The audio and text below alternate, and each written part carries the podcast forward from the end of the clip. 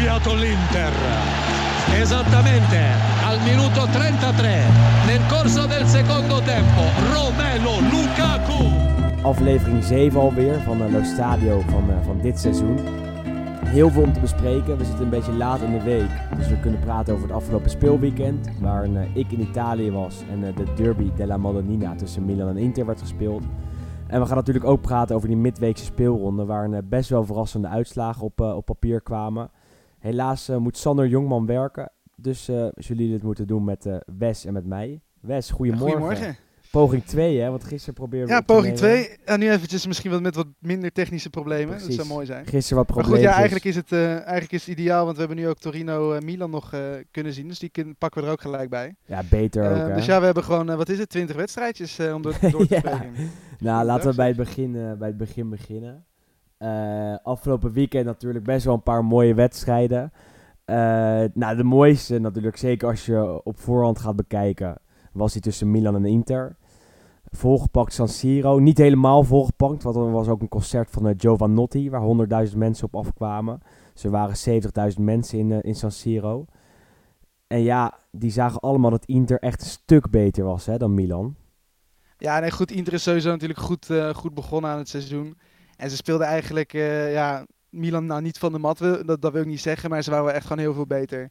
En Milan die zit echt een beetje in een soort, ja, ik weet niet wat daar aan de hand is. Neerwaarts spiraal. Sowieso neerwaartse spiraal kun je ook wel zeggen. Gianpaolo, uh, natuurlijk afgelopen jaren bij Sampdoria gezeten. Nooit echt super veel succes gehad, maar altijd wel redelijk ja, constant gepresteerd. ongeveer. En dan constant zeg maar tussen plek 8 en plek 11 ongeveer. Um, maar goed, ja, nu bij Milan lijkt het, ja, het lijkt ook niet heel veel beter te worden dan dat. Ze staan nu uh, na deze ronde die we nu ook hebben gehad, volgens mij uh, tiende of dertiende of zo. Ja. Dus dat is natuurlijk wel een beetje het niveau van Gianpaolo misschien. Maar het gekke is dat ze natuurlijk heel goed hebben ingekocht. In ieder geval redelijk veel hebben ingekocht. Uh, maar eigenlijk ook bijna niet met een van die nieuwe spelers spelen. Nu werd tijdens die derby werd dan uh, opeens Rafa Leao werd er dan werd er ingegooid. Wel heel goed speelde. Die speelde op zich goed. Maar goed, het is best wel bijzonder als je natuurlijk ook nog zo'n Theo Hernandez, Ante Rebic. Ze hebben natuurlijk ook nog die Duarte, Benacer, Krunic. Ze zijn allemaal best wel spelers die eigenlijk beter zijn dan de jongens die wekelijks spelen. Um, of in ieder geval in potentie sowieso. Maar als je kijkt, is het, is het zeker, uh, was het tijdens de derby echt een heel erg middelmatig elftal. Zo'n uh, zo'n Cassie, die uh, bij Atalanta super was twee seizoenen geleden, toen de transfer naar Milan verdiende. Die bakt er echt zo weinig van. Elke paas die hij geeft is achter de man. Elke dribbel gaat met horten en stoot. En het is telkens zo slecht. eh, dat je denkt, hoe kan zo'n speler nou bij Milan elke week weer worden opgesteld, elke week weer in de basis staan, dan is het kwalitatief echt, echt dramatisch. En dan, zul je, dan zie je dus gewoon dat ze het afleggen tegen een Inter dat wel uh, de nieuwe aanwinsten inpast. Dat natuurlijk een supertrainer heeft met Antonio Conte. En die dit jaar misschien wel, hè, uh, laten we niet te hard van stapel lopen, maar misschien wel mee kunnen doen om de titel.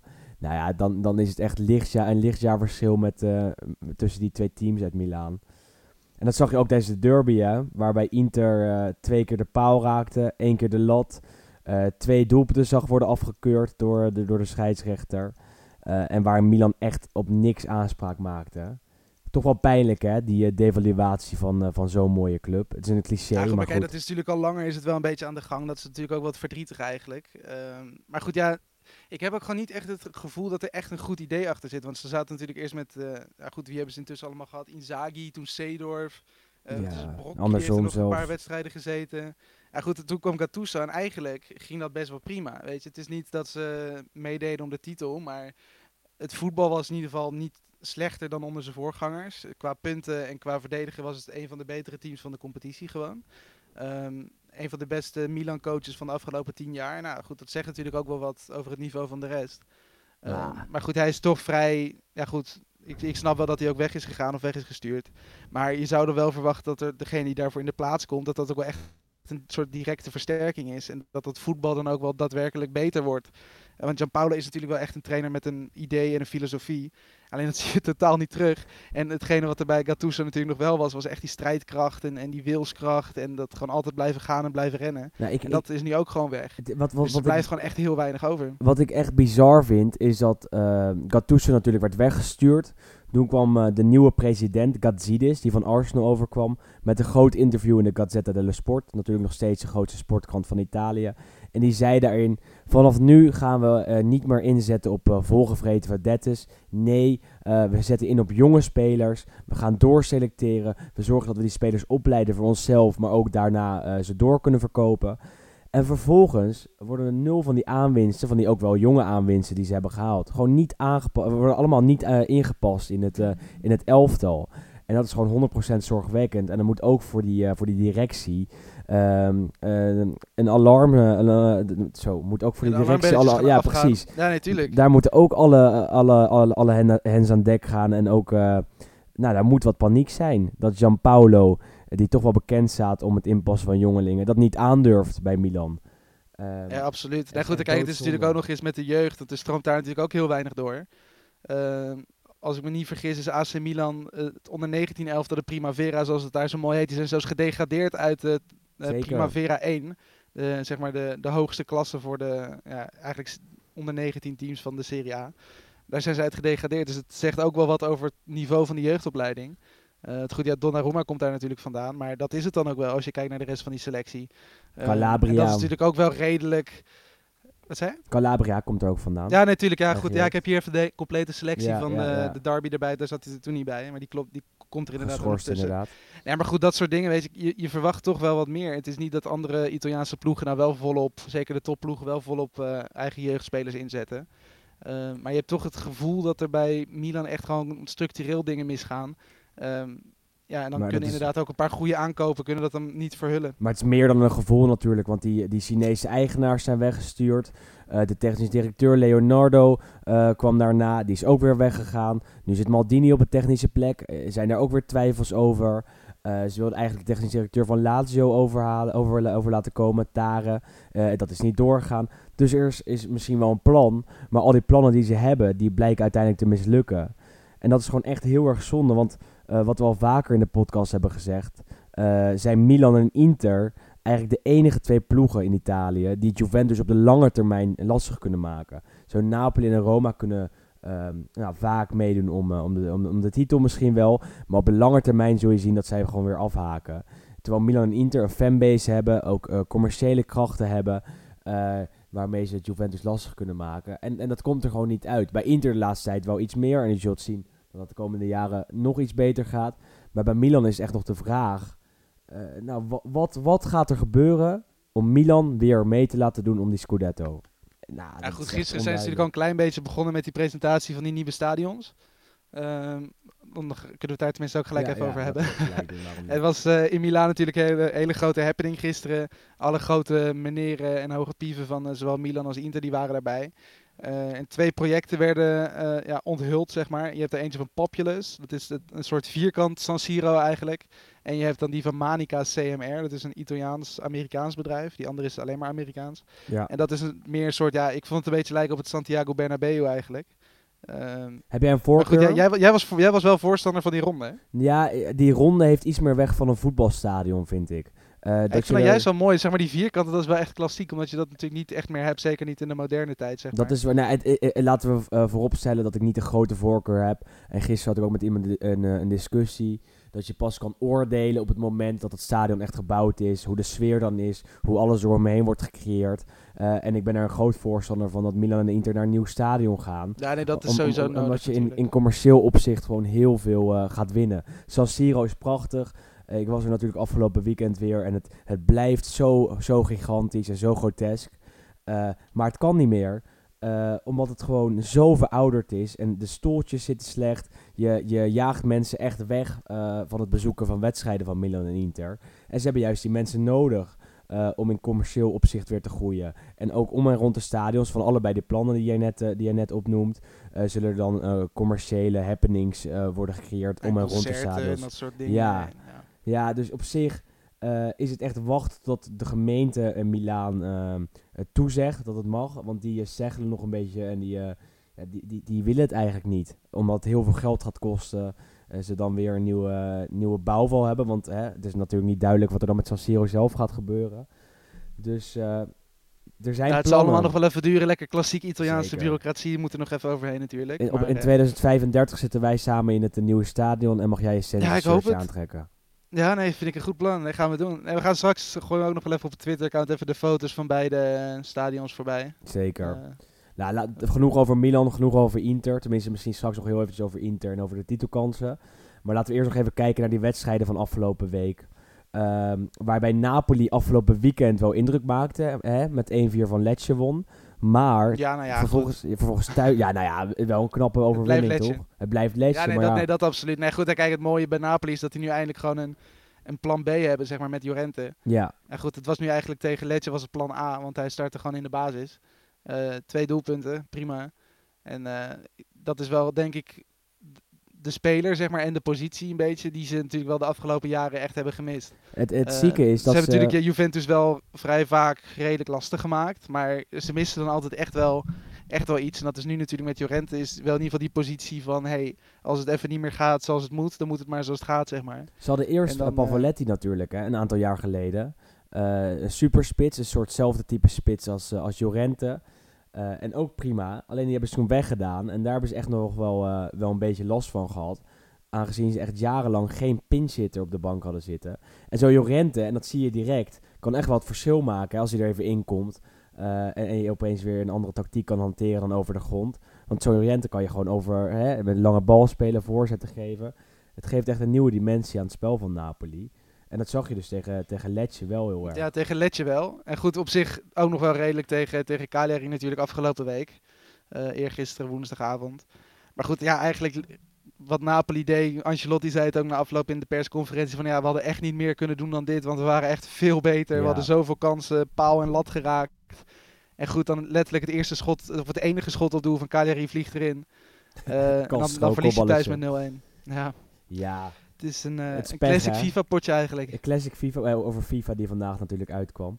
Maar eh, nee, ja, gewoon doodzonde dat Napoli daar laat liggen. Want ondertussen staan ze alweer zes punten achter de nummer 1, achter Inter. en vier punten achter op Juventus. En dat zijn echt punten die je eigenlijk niet mag laten liggen in, in zo'n vroeg stadium van het seizoen. Want dan haak je misschien al straks heel snel af in de strijd om de titel. Ehm, al laten we natuurlijk niet, niet te snel conclusies trekken. Hè? Want Napoli speelt op zich wel aardig. Ja, het voetbal is niet slecht. En goed, ze hebben nu natuurlijk verloren. Dit is dan natuurlijk echt pech tegen Cagliari. Die andere verliespartij was tegen Juventus. Dus dat kan natuurlijk wel gebeuren. Maar het is inderdaad wel... Ja, zeker thuiswedstrijden moet je natuurlijk eigenlijk altijd winnen. Zeker als je aspirerend eh, titelkandidaat bent. Eh, maar goed, ja, volgende wedstrijd is, eh, even kijken, weer uit geloof ik tegen... nee, weer thuis. Tegen Brescia. Goed, dat is natuurlijk ook gewoon weer een, Gewoon een wedstrijd die je gewoon moet winnen. Goed, zonder Koulibaly, want die kreeg er nog rood. Maar goed, ik neem aan dat ze hier ook wel van hebben geleerd dat het wel echt gewoon wat scherper moet voor het doel ook natuurlijk. Ja, Dat was natuurlijk vooral wat er nu een beetje misging. dan zul je zien dat zo'n bal van Mertens er wel in gaat en een kopbal van Jorente wel doel treft. Dus op zich denk ik dat ze gewoon winnen van Brescia. Eh, alleen is het natuurlijk wel echt een streep door de rekening als je thuis opeens van Cagliari, eh, Cagliari verliest. Maar ja, Cagliari is wel goed. Ja, nee, die Toch? staan vijfde nu. Die Ja. staan, op, eh, die staan ja, gelijk met Napoli op dit moment. En, en dus eigenlijk boven Napoli op onderling resultaat. Dus op een Champions League plek. Ja, ja, dat- ja, nou ja, goed. Dat had je van tevoren eh, natuurlijk ook niet echt verwacht. Maar ze hebben natuurlijk wel echt een leuke selectie. Ze hebben goede spelers gehaald natuurlijk. Nainggolan teruggehaald. Eh, ze hebben die jongen van Boca Juniors eh, Nandes. opgehaald. Even, Nandes ja. Nandes Ja. inderdaad. En goed, ja, gewoon een paar redelijke eh, goede spitsen natuurlijk. Eh, Simeone opgepikt bij Fiorentina, waar, die daar echt, waar er echt niks uitkwam.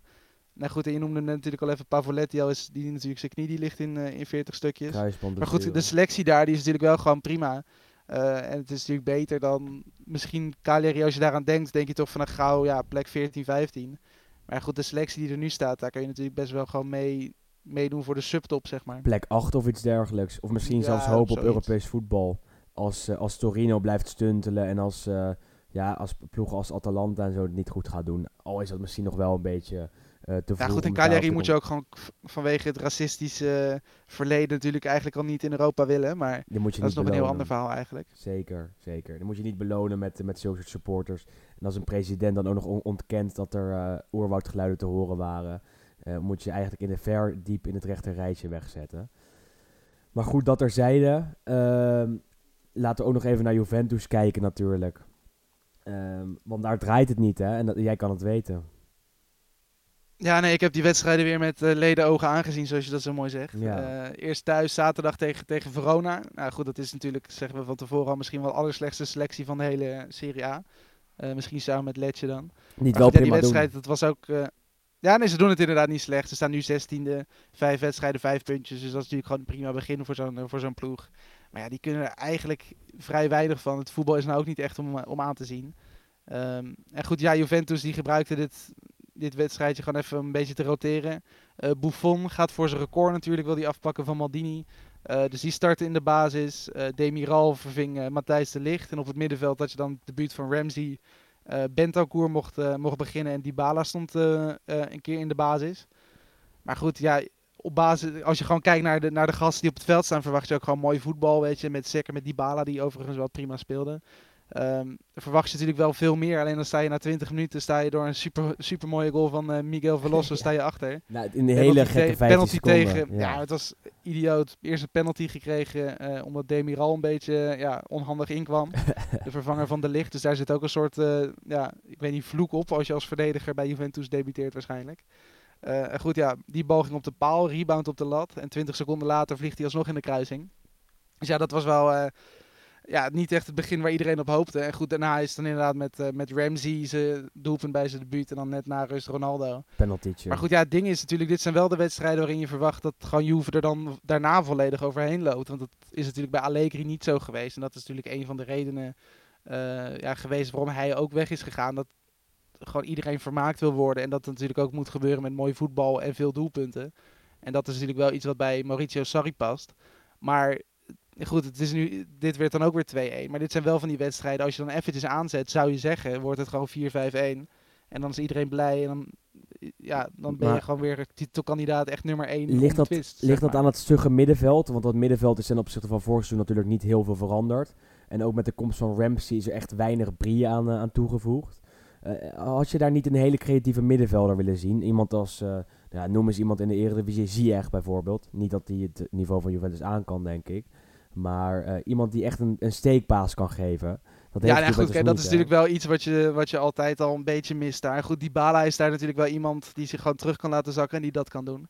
Eh, want hij is natuurlijk ook niet echt de spits eh, zoals die op papier wel stond, stond opgeschreven toen. Ja. Maar goed, ja, dat middenveld, ik vind het verschrikkelijk. Zeker met zo'n Matuidi en dan komen, komen Kedira, die, die speelt dan weer. En ja goed, Emre Can die heeft geloof ik pas 30 minuutjes gespeeld. Dus dat is in ieder geval één grote opluchting. Maar goed, ja, het is inderdaad niet, niet veel. Ik vond Ramsey overigens wel echt heel goed, eh, goed spelen. Allebei die wedstrijden trouwens. Want ze speelden eh, afgelopen dinsdag Ja, tegen ja. Brescia uit. Hij, je, je, je ziet bij Ramsey wel echt dat hij veel sneller denkt dan in ieder geval die, eh die Matuidi's en de Kedira's van de wereld. En dat hij ook echt diepgang heeft. Want je ziet hem inderdaad zo vaak loopacties maken dat je denkt van ja, als er nu één iemand is die wel gewoon een voetbal eh, een beetje een normale, normaal trapje kan geven. En dat die bal niet voor de voeten van Matuidi ligt. Ja goed, ik denk dat je die Ramsey misschien wel vijf of zes keer alleen op, eh, op, de, op de keeper van de tegenstander had af kunnen sturen. Want dat is wel echt een hele intelligente voetballer. En dat is ook wel iets wat je een beetje hebt gemist. Maar goed, ja, hetzelfde tegen Brescia sta je ook weer achter na vier minuten. Dikke blunder van Chesney toen. En goed, dan heb je, kom je inderdaad ook met een eigen doelpunt. En dan nog uit de vrije trap eh, kom je dan terug. Maar het is inderdaad echt ver van overtuigend. Want dat is natuurlijk wel het grote probleem. Dat alles... Het is inderdaad ook iedere keer maar of met één doelpuntje verschil. En dan ook nog eens met heel veel geluk met eigen doelpunten of penalties. Dus er zit echt niks aan waarvan je nu denkt van... Nou, dit Juventus gaat dit gewoon zo 38 wedstrijden volhouden. En die staan gewoon aan het eind van de rit bovenaan. En dinsdag eh, ontbrak Cristiano Ronaldo. Ehm, en daardoor stond Dybala aan de basis en eh, speelde Juve in een, andere, in een ander systeem. Hè? 4-3-1-2 in plaats van 4-3-3. Denk jij dat, eh, dat Juve misschien wel beter is dan, dan, eh, ehm, zonder Cristiano Ronaldo dan als Cristiano Ronaldo wel speelt? Zodat ze dan meer variatie in het aanvalspel kunnen bieden bij afwezigheid van de Portugees. Ja, goed, dat is natuurlijk ook een beetje afwachten. Want ze hebben eigenlijk met Ronaldo alleen nog maar 4-3-3 gespeeld natuurlijk. Ehm, maar goed, het is nu misschien inderdaad de aankomende wedstrijd dat ze het ook in deze opstelling gaan proberen. Dan wel met Ronaldo erin. Eh, want Sarri heeft natuurlijk ook gezegd, die spitsen, kijk, dus het is wel inderdaad voorin eh, speel je met twee spitsen op papier, zeg maar.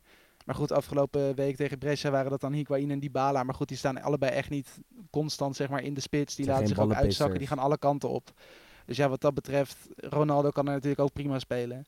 En goed, het is denk ik vooral de zaak van wie zet je daarachter. Want dat is natuurlijk wel het, ding. Uh, kijk, Higuain vind ik het eigenlijk verrassend genoeg goed doen. Um, en die heeft ook wel, dat zie je ook wel, zag je in de, in de voorbereiding toen in Azië al. Die heeft wel echt gewoon een goede klik ook samen met, uh, samen met Ronaldo. Ja, ja, ja, ja, En je ziet wel echt dat die twee goed op elkaar afgestemd zijn. Dus het lijkt mij dat dat dan inderdaad de ideale twee daarvoor in zijn. En daarachter, en daarachter moet je dan eigenlijk die Bala hebben voor de steekpaas. En het liefst dan ook nog een Ramsey die inderdaad ook nog diep kan gaan. Maar de, En ik denk als je het inderdaad op die manier een klein beetje probeert. Met zo'n Pjanic daarachter en dan mhm, eventueel mhm. nog een, één Kedira of één Matuidi. Ja, ja, ja, ja dan is het, uh, dan is het vrij oké, denk ik. Maar de discussie is altijd um, over Cristiano Ronaldo en over die Bala, dat ze niet samen kunnen spelen, omdat ze heel veel dezelfde ruimtes bespelen. En, daar zit misschien wel wat in, dat als je straks Cristiano Ronaldo in de spits hebt staan en die Bala er net iets achter, uh, en dan ook nog eens Higuain die zich laat uitzakken de hele tijd, dat je dan te veel spelers hebt die dezelfde ruimtes bespelen. Dus ik ben benieuwd of Sarri dat aandurft uh, bij Juve. Al heeft hij natuurlijk nog wel de ruimte om dat, om dat een keer te proberen. Zeker tegen, tegen lager geclasseerde teams. Dus tegen Verona uh, is dan uh, de uitgelezen kans om zulke soort dingetjes even uit, uit te proberen en, uh, en te testen. Maar ja, goed. maar goed, dat is natuurlijk ook weer het probleem. Als je er maar één doelpunt voor staat, dan ga je dat natuurlijk ook iets minder snel doen. En ja, dat snap ik dan op zich ook wel. Maar goed, je moet op een gegeven moment moet je natuurlijk wel naar een ideale elf. En daar moeten natuurlijk wel gewoon eigenlijk je elf beste spelers in. Daar die balen bij. En daar die balen absoluut bij. En goed, ja, verder zeker ook deze opstelling, zeg maar het afstappen van het 4-3-3 heeft natuurlijk ook te maken dat ongeveer iedereen geblesseerd is die op de buitenkanten kan spelen. Uh, want ze hebben gewoon echt bijna niemand daar. Dat is best wel schrijnend. Danilo is nu voor de tweede keer in drie wedstrijden is hij na een kwartier gewisseld. Omdat hij last had van een of andere spier. Uh, Alexandro zit nu in Brazilië omdat er een familielid uh, is overleden. Vader, ja, goed. Of ja, ik, ik, zag gisteren dat zijn oma was trouwens ah, via een ander persbureau. Okay. Dus ik weet niet precies wie het is. maar en goed, ja, Bernardeschi is volgens Sarri meer een middenvelder. Uh, ja, Quadrado is natuurlijk ook niet echt een back of ook niet echt een buitenspeler. Dat is natuurlijk ook een beetje ja, vlees nog vis eigenlijk. En goed, ja, Emre Can heeft in, uh, in de Champions League vorig seizoen ook op rechtsback gespeeld. Maar die is natuurlijk ook een klein beetje persona non grata op dit moment. En goed, als je daar inderdaad nog ook uh, de Chilio die geblesseerd is bij optelt. Ja, het, is niet echt, het houdt niet echt over aan die zijkanten daar. Dus dan moet je natuurlijk ook wel echt een andere opstelling proberen te vinden. Zeker aankomend weekend tegen Spal thuis. Op zaterdag om drie uur. Nou, daar kunnen we wel gewoon een eentje invullen, toch? Ja, nee, dat wel. Vorig seizoen hebben ze verloren in de uitwedstrijd toen in Ferrara. Maar goed, dit, dit gaan ze wel gewoon winnen. Maar ik, zou niet, niet inzetten op uh, drie, vier doelpuntjes verschil. Want dat hebben we echt wel heel lang niet meer gezien. Mhm. Ik zat voor de grap, uh, want ik had inderdaad echt goede hoop toen tegen Verona. Toen het 2-1 werd snel naar rust. Dat ze er flink overheen zouden gaan. Dus ik zat voor de grap al even op te zoeken wanneer de laatste grote overwinning was. Maar dan moet je volgens mij terug naar 2015 werd een keer 7-0 tegen Sassuolo. Maar goed, dat zegt wel genoeg dat ze in de tussentijd gewoon niet vaker dan drie, met drie doelpunten verschil winnen. Ook in thuiswedstrijden niet. En wij zijn dat natuurlijk in Nederland met Ajax en PSV en in, Spanje met Real Madrid en Barcelona wel gewend dat de topploegen echt gewoon gehakt maken soms van andere teams. Maar Juventus heeft het eigenlijk al jaren niet meer gedaan. En dan nog even kijken naar het weekend, uh, naar het afgelopen weekend. Want daar was ook uh, een wedstrijd tussen Bologna en Roma. Uh, was ik ook aanwezig. Niveau was echt belabberd. En er stonden drie Nederlanders op het veld. Uh, Kluivert, Dijks en Denswil. En over die laatste wil ik nog wel even wat zeggen. Want die heeft wel een hele goede keuze gemaakt hè, om naar Bologna te trekken. is daar echt, echt de man in de verdediging. Doet hartstikke goed. verzorgt de opbauw. wel echt interessant om in de gaten te houden. En Bologna doet het alleraardigste. Staat op een achtste plek. Um, Denk jij dat zij misschien ook net als Cagliari mogen dromen van Europees voetbal?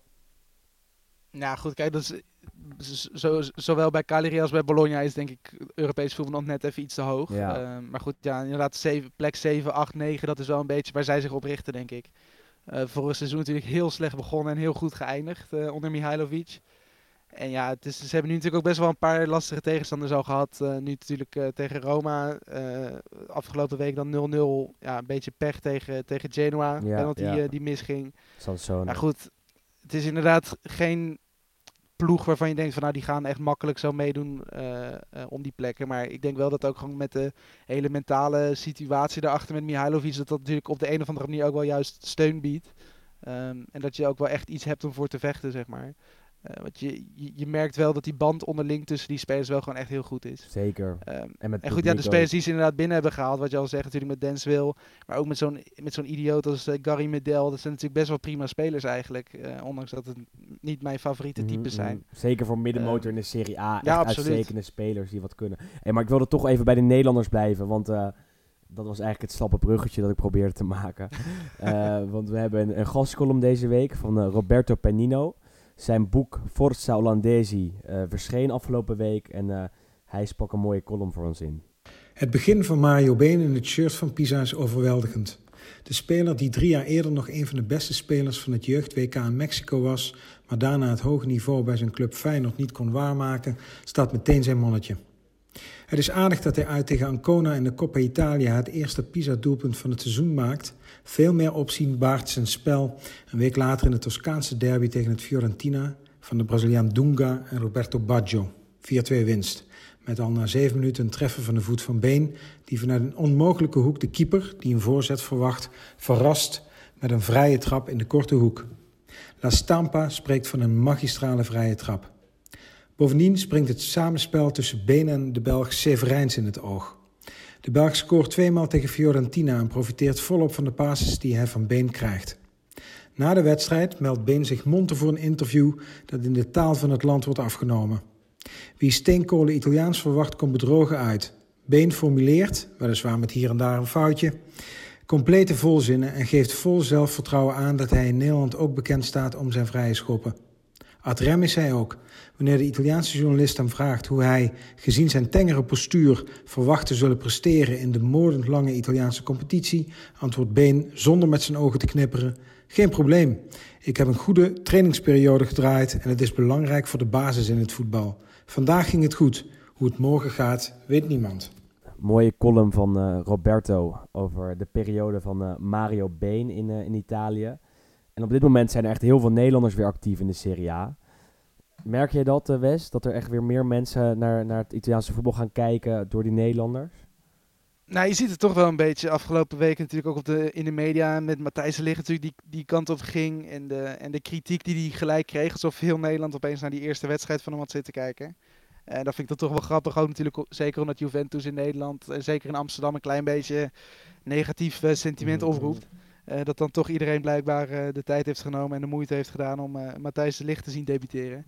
nee, maar ook gewoon afgelopen week, want jij was natuurlijk bij de, bij de derby en bij Bologna-Roma. Maar ik zag ook dat de mannen van Voetbal International, mm ja, ja, ja. Suleiman Usturk, was, er, was die kant op gegaan. Ook interviews nog met Martin de Roon en Stefan de Vrij zag ik voorbij komen. Zeker, ja. En goed, en dat soort dingen, dat is natuurlijk mooi. Was ja, nee, maar goed, dat soort dingen, weet je. Je ziet toch wel dat het iets meer gaat leven en dat die cultuur ook weer een klein beetje terugkomt. Wat natuurlijk wel het mooie is aan Italië ook. Uh, gewoon alles eromheen en de, ja, de geschiedenis en de verhalen en gewoon die passie voor de sport. Zeker. En goed, ja, nu natuurlijk is het nadeel is natuurlijk dat het racisme ook vrij veel uh, uh, behandeld wordt. En meer dan terecht natuurlijk. Maar goed, je merkt inderdaad wel dat die competitie ook mede door de komst van de Nederlanders en mede door de komst natuurlijk al eerder van Ronaldo, dat het wel weer een klein beetje ja, hoger aangeschreven is dan in ieder geval in, uh, in recente jaren. Zeker. En uh, die column van uh, Roberto, die lieten we natuurlijk niet voor niets horen. A, is een prachtig verhaal. Maar B, mogen wij zijn boek ook verloten. Stel, jij hebt een mooi verhaal over een Nederlander in de Serie A. Over een, een ervaring ermee, of een foto of iets dergelijks. Stuur dan naar ons op, op Twitter met de hashtag Lostadio nou, wat, wat voor hashtag zullen we ervan maken, Wes? Oh, je hebt het nog niet bedacht? Nee, ik, ik, ik bedenk het hier ter plekke. Oké, wat een goed plan. Nee, Oké, okay, uh, dan verzinnen we even wat. Uh, Doe maar gewoon hashtag uh, Los Stadio Hollanda of ja, zo. Ja, laten we hashtag Los Stadio Hollanda en stuur ons je leukste verhaal of foto met een Nederlander. Of video. Of, video of iets dergelijks. Weet en ik veel. Bepaalde content dat te maken heeft met een Nederlander die actief was of is in de Serie A. En wie weet krijg jij dan volgende week wel het boek van uh, Roberto Panino, Forza Olandesi, die ook te koop is in, uh, in de beste boekhandels in Nederland. En ook via internet moet je gewoon even googlen. En uh, ja, dat is wel leuk, want hè, zoals er nu veel Nederlanders in de Serie A spelen, zo waren dat er vroeger ook heel veel. Ik noem een Gullit, ik noem een Van Basten, ik noem een Rijkaard, maar ook spelers als Kieft, als Mario Been, over wie we net de column eventjes hebben gehoord. en die tijden lijken nu weer een beetje terug te komen, wat natuurlijk hartstikke mooi is. Um, ondertussen gaan wij terug naar, uh, naar 2019. Um, we waar willen we het nog over hebben, Wes? Want er is, uh, het is veel te bespreken. De Champions League hebben we natuurlijk ook niet behandeld, maar dat gaan we denk ik niet meer doen, omdat het al, al langer dan een week geleden is. Maar laten we nog wel even kijken naar, naar Lazio, waar het niet echt goed draait, hè? Nou ja, dat is daar inderdaad ook niet echt heel soepel. Het spel is niet altijd even slecht. Uh, tegen, tegen Inter waren ze natuurlijk wel ietsjes beter, en misschien zelfs. Um, maar goed, er is een klein uh, relletje ook tussen Immobile en de trainer Inzaghi. Um, werd gewisseld tegen Parma, ondanks dat hij had gescoord. En ja, hij speelde eigenlijk, zeker de eerste helft speelde hij best wel slecht. In de tweede helft ging het iets beter, maar hij werd toch gewisseld. En toen ging hij als een soort klein kind ging hij op, de, op de reservebank zitten. En Inzaghi zei na afloop dat hij ja, dat hij dat niet zo super schokkend vond en dat hij zich daar niet zo druk om maakte. Uh, maar goed, ja, hij heeft volgens mij tegen Inter had hij gespeeld. Volgens mij niet, hè? Jawel, volgens mij startte hij toen... Hij, nee, uh, hij, kwam, hij startte op de bank, maar hij kwam er wel in in de tweede helft. met Caicedo Maar, eh, ja, toen. wat, wat vreemd Ja. is, want Caicedo speelde de eerste helft best prima. Eh, en blijkbaar ehm, vond Inzaghi dat Immobile wel moest spelen, want toen werd Caicedo gewisseld. Op het moment dat Immobile erin kwam, was Lazio gelijk een stuk minder, minder gevaarlijk. Nou valt het natuurlijk niet helemaal op te hangen aan eh, de verandering van de spitspositie. Maar ja, toch een, toch een wissel waardoor Lazio niet per se beter werd op het veld tegen Inter, maar juist weer op achteruit ging. Eh, en dan ga ik natuurlijk niet zeggen dat Caicedo een betere spits is dan Immobile. Maar in zo'n wedstrijd kan je misschien wel beter spits hebben die iets fysiek sterker is. En die eh, wel echt eh 100% een nummer 9 is. In plaats van een Immobile die toch heel veel dartelt. En, eh, en dit seizoen nog niet super in vorm is. Natuurlijk wel redelijk wat scoort. Maar eh, nog niet Immobile is van, van twee, drie jaar geleden. Maar ja, Lazio toch redelijk, redelijk zorgwekkend vind ik, eh, Wes. Eh, Ja, nou goed, kijk, qua positie valt er nu nog mee. Natuurlijk eh staan negende, zeven punten. Het is niet slecht, het is niet schokkend, maar het is gewoon minder dan je verwacht. En ja, die, die misschien is het ook wel gewoon dat een beetje die magie van Simone Inzaghi, die natuurlijk ook al een jaar of vier, vijf zit inmiddels, dat het ook wel een beetje is, is uitgewerkt. Want het gekke is natuurlijk wel dat ze gewoon eigenlijk hun spelers hebben behouden allemaal. Eh, de grote namen, eh, natuurlijk eh, Sergej Milinkovic-Savic is gebleven, Immobile is gebleven. Ehm, in de jaren, wat is het, de afgelopen jaren de enige tussen aanhalingstekens grote speler die echt weg is gegaan was natuurlijk die Felipe Anderson aan de zijkant toen. Keita Balde die is transfervrij weggegaan natuurlijk ook nog Ja, wel. maar goed, dat, ja, het is inderdaad ook allemaal niet echt ja, Nee. je van het, Ja, zeg ja, maar. ja. En goed, ze, ze- je, je zou zeggen ook met zo'n Luis Alberto, die is gebleven. Eh, en eh, dan inderdaad, als er nog van die jongens als Korea daarbij komen, zou je juist verwachten dat het gewoon iedere week of ieder jaar, ieder seizoen beter wordt. Ze zijn wel de vrij Eh, Laat- verloren. Laatsari natuurlijk. En weet je, het is, het is gewoon een beetje op lijkt het wel. Er, er zit niet echt heel veel verbetering in ten opzichte van de vorige jaren. Terwijl het juist natuurlijk wel zou moeten ja, aan de hand van ervaring en, en nieuwe spelers. Het is gewoon niet zo verrassend meer. Ehm Inzaghi, en, ik- toen ik nog Italiaanse televisie had, want die, die zenders zijn, zijn ze helemaal afgepakt. ja, nee, en terecht. En eh, ik kan dus niet meer Sky Italia kijken. Maar hè, nu ga ik de wedstrijden gewoon op Ziggo Sport kijken of met de, met de Serie A pas. Ehm, maar toen ik nog die Italiaanse televisie had, eh, zeiden zij tijdens de wedstrijd van Lazio, ik weet niet meer tegen wie het was, dat eh Inzaghi voor de honderdste zoveel wedstrijd eh, in dezelfde formatie speelde. Met, een, met drie verdedigers achterin, eh, met een rechtshalf, linkshalf, drie centrale middenvelders eh, en twee, eh, twee aanvallers. Of nou een valse spits of een echte spits erbij. Maar ja, dat is dus best wel ziek. Hè? Dat hij nul varieert in zijn, in zijn aanvalsopzet. En dat elke week gewoon precies hetzelfde is. En ik denk dat Lazio daardoor gewoon niet meer ver- verrast. En daardoor af en toe zelfs wordt afgeblust door, door teams als Spal, hè? van wie zo hebben verloren dit seizoen. Ja, nee, absoluut. Nou ja, goed, kijk, het ding is natuurlijk... Ja, Simone Inzaghi werd natuurlijk nog best wel wat genoemd als misschien wel de beste tacticus in, eh, in de Serie A. Eh, werd genoemd toen eh, Allegri wegging bij Juventus. Het is natuurlijk best wel een grote, grote naam wat dat betreft. Alleen hij laat eigenlijk nu de laatste tijd niet echt meer zien. Maar goed, ja, het is, we weten het allemaal. Vorig seizoen had- hadden ze ook een lastige fase. En dan winnen ze opeens weer een paar grotere wedstrijden. En de Coppa. En de Coppa, want daar zijn ze natuurlijk ook wel, eh, wel goed in. Daar hebben ze wel patent op. Dus eh, kijk, het, is- we, kunnen sowieso nog niet spreken over een verloren seizoen of dat soort dingen. Maar je ziet in- inderdaad wel dat het iets minder soepel gaat dan de afgelopen jaren.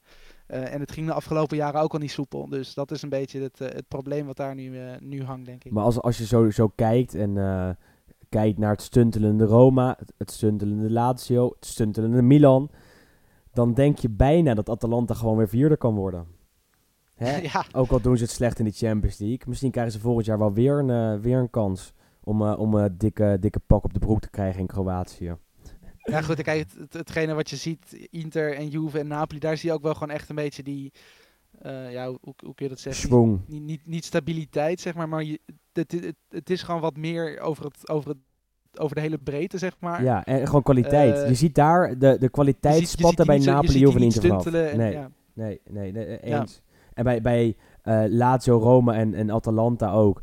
Uh, is er wel kwaliteit aanwezig, maar niet over de hele elf die spelen. Dat zie je bij uh, nee, Inter, Juve en Napoli wel. Nee, precies, precies. En dat is gewoon wel een verschil dat, dat nu al wordt gekenmerkt. Al hebben we vorig jaar natuurlijk ook het hele seizoen beweerd dat Inter wel eens wel gewoon derde zou worden. Uh, en dat het uh, aan kon sluiten bij Napoli ja, goed, en bij maar dat kwam natuurlijk ook uiteindelijk misschien maar op één of twee puntjes aan. Dus dat is natuurlijk ook niet echt het, een groot verschil. Maar ja, toen had je natuurlijk nog geen Antonio Conte, die natuurlijk wel echt uh, lekker bezig is. Ja, We hebben natuurlijk al een paar keer nu gezegd, wat is het, vijf, uh, vijf wedstrijden gespeeld, vijf gewonnen. Uh, een klein beetje Hosanna-stemming, maar... Kunnen ze kampioen worden, denk je? Ja goed, kijk, dat is het ding een beetje. Nu gaat het heel goed. maar je moet ook wel een klein beetje in gedachten houden wie ze al hebben gehad. Want het is natuurlijk ook, het, het was Letje, Cagliari uit, dat is natuurlijk wel redelijk knap. Uh, Udinese thuis. Ja, Milan die al niet in grootste vorm is. Ja, maar Lazio, waar we het nu natuurlijk over hadden gehad. Wat ook niet super draait. Goed, het zijn natuurlijk wel prima, prima overwinningen allemaal. Ja. En het spel is natuurlijk niet zo slecht als wat we in de, in de Champions League wel hebben gezien. En in, in maar, het Inter van de afgelopen jaren had deze wedstrijden niet alle vijf gewonnen. Nee, absoluut. absoluut. Dus, dus dat is in ieder geval wel de verbetering. Maar ik denk dat het nog wel ietsjes te vroeg is om nu echt te zeggen dat, dat dit nu al ongeveer de, ja, top 2 gaat zijn met Inter en Juve. Nou goed, dat weet je eigenlijk van tevoren altijd al wel. Maar ja, wat ik bedoel te zeggen, precies. het is nog te vroeg om ze nu al echt al naar een titel toe te, toe te schrijven. ik wil dan toch wel eerst in ieder geval ook nog wat grotere wedstrijden hebben gezien. In ieder geval straks een Inter Juve of een Inter tegen Napoli eigenlijk. Nee, Inter wordt in de Italiaanse pers al naar voren geschoven als uh, de Scudetto-kandidaat. De ploeg die het Juve lastig moet maken.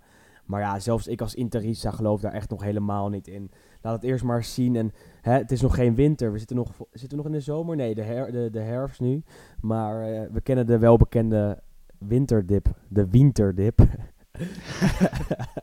Heel erg flauw. Winter is coming. ja, winter is coming. Maar dat, uh, dat Inter in de winter echt altijd instort. In de maanden december, januari, februari echt heel weinig punten bij elkaar hakt. Dus laat maar zien of dat verschil kan worden gemaakt met Conte aan het roer. En, en laat maar zien dat je opeens dan uh, die mentale kracht hebt om, uh, om door te kunnen zetten. Ook al speel je straks misschien in de Europa League, moet je naar Israël, moet je naar Turkije of iets dergelijks. Laat dan maar zien dat je dan die zondag, als je uit moet naar, uh, naar noem eens iets, naar Sassuolo, dat je dan wel kan winnen. De afgelopen jaren ging het dan constant mis. Ik wil heel graag zien hoe dat dit jaar is onder Conte. Stel ze winnen zulke soort wedstrijden, dan begin ik er echt in, echt in te geloven. En, en vooralsnog... Jij gelooft het pas als ze na 37 wedstrijden bovenaan nee, staan ik ben een pessimist, maar uh, uh, ik ben een pessimist, maar ook een realist. En ik denk niet dat Inter op dit moment al goed genoeg is om het Juventus op de lange termijn, binnen zo'n seizoen, uh, super lastig te maken. Inter zal eindigen denk ik op een, op een puntentotaal van om en rond de 75 punten. en Juve zal er ten alle tijden boven eindigen, omdat ze gewoon een veel bredere selectie hebben. Wat Mourinho zei in de Premier League dat Manchester City B kampioen kan worden, geldt ook in de Serie A met Juventus B. Als je kijkt naar die selectie, de selectie van Juventus zoveel breder dan, dan de, de, de totale selectiebreedte van Inter en van Napoli. Dat ik echt bijna niet kan geloven dat Juventus van de troon wordt gestoten. Uh, maar ik laat me graag verrassen, Wes, dat weet je. Ja, nee, dat weten we allemaal. Ik denk dat we dit stukje gewoon even uit moeten knippen als een soort soundbite. Dan ja. kunnen we hier over, uh, over een paar maanden, als gewoon Juve 14e staat, kunnen we daar lekker op terugvallen. Dat zou lekker zijn, dat Juve gewoon eventjes helemaal vervalt en dat een andere ploeg kampioen wordt. En dan hoeft het niet eens Inter te zijn, want ik zou het ook super leuk vinden als Napoli of Atalanta straks met de Scudetto staat. Maar ik geloof er gewoon niet in. Nog niet.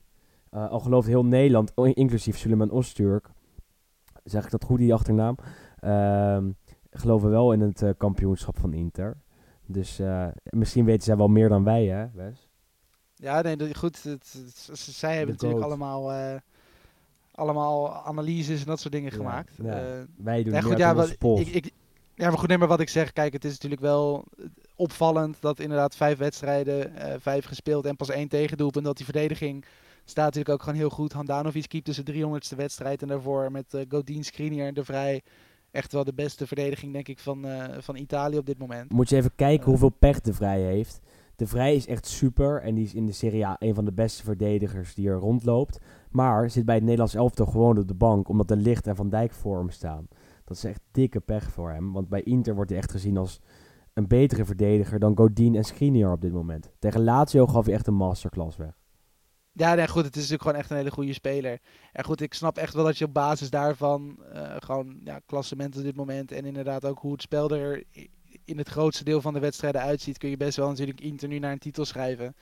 Maar goed, ja, zij zijn misschien iets minder bekend met de Pazza Inter zoals jij dat wel bent. dus uh, we, zullen, we zullen het afwachten. Pazza Inter Amala. Dat nummer mag niet meer worden gedraaid, inderdaad.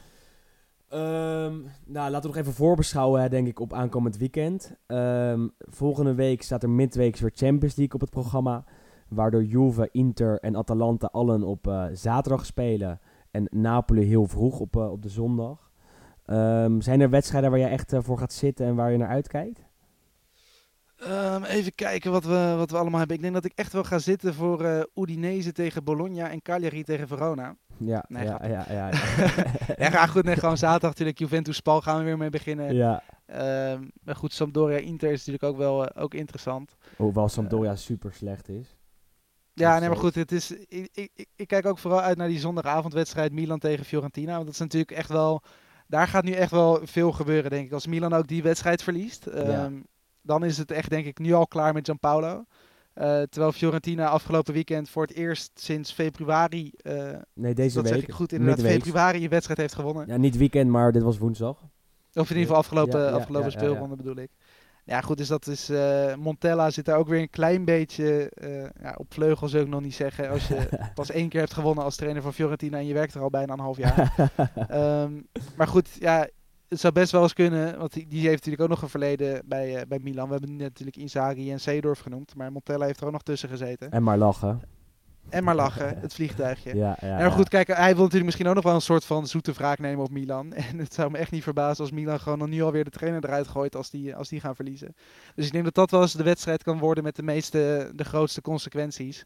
Want ik denk ook dat mocht inderdaad Fiorentina nu weer, uh, of tenminste weer verliezen, um, dat daar ik denk dat die nieuwe eigenaar op een gegeven moment ook wel denkt van... hé, hey, Montella is allemaal leuk en aardig en je, en, je, en je lacht de hele dag. Maar goed, als het resultaat er natuurlijk niet is, want ze staan nu weer vijftiende. Ja, maar ja, Uh, als je kijkt naar een speelschema dat zo gehad hebben, is dat niet normaal, hè? Nee, ze hebben natuurlijk wel echt het moeilijkste schema gehad van allemaal misschien. far. Maar goed, zelfs, zelfs dan...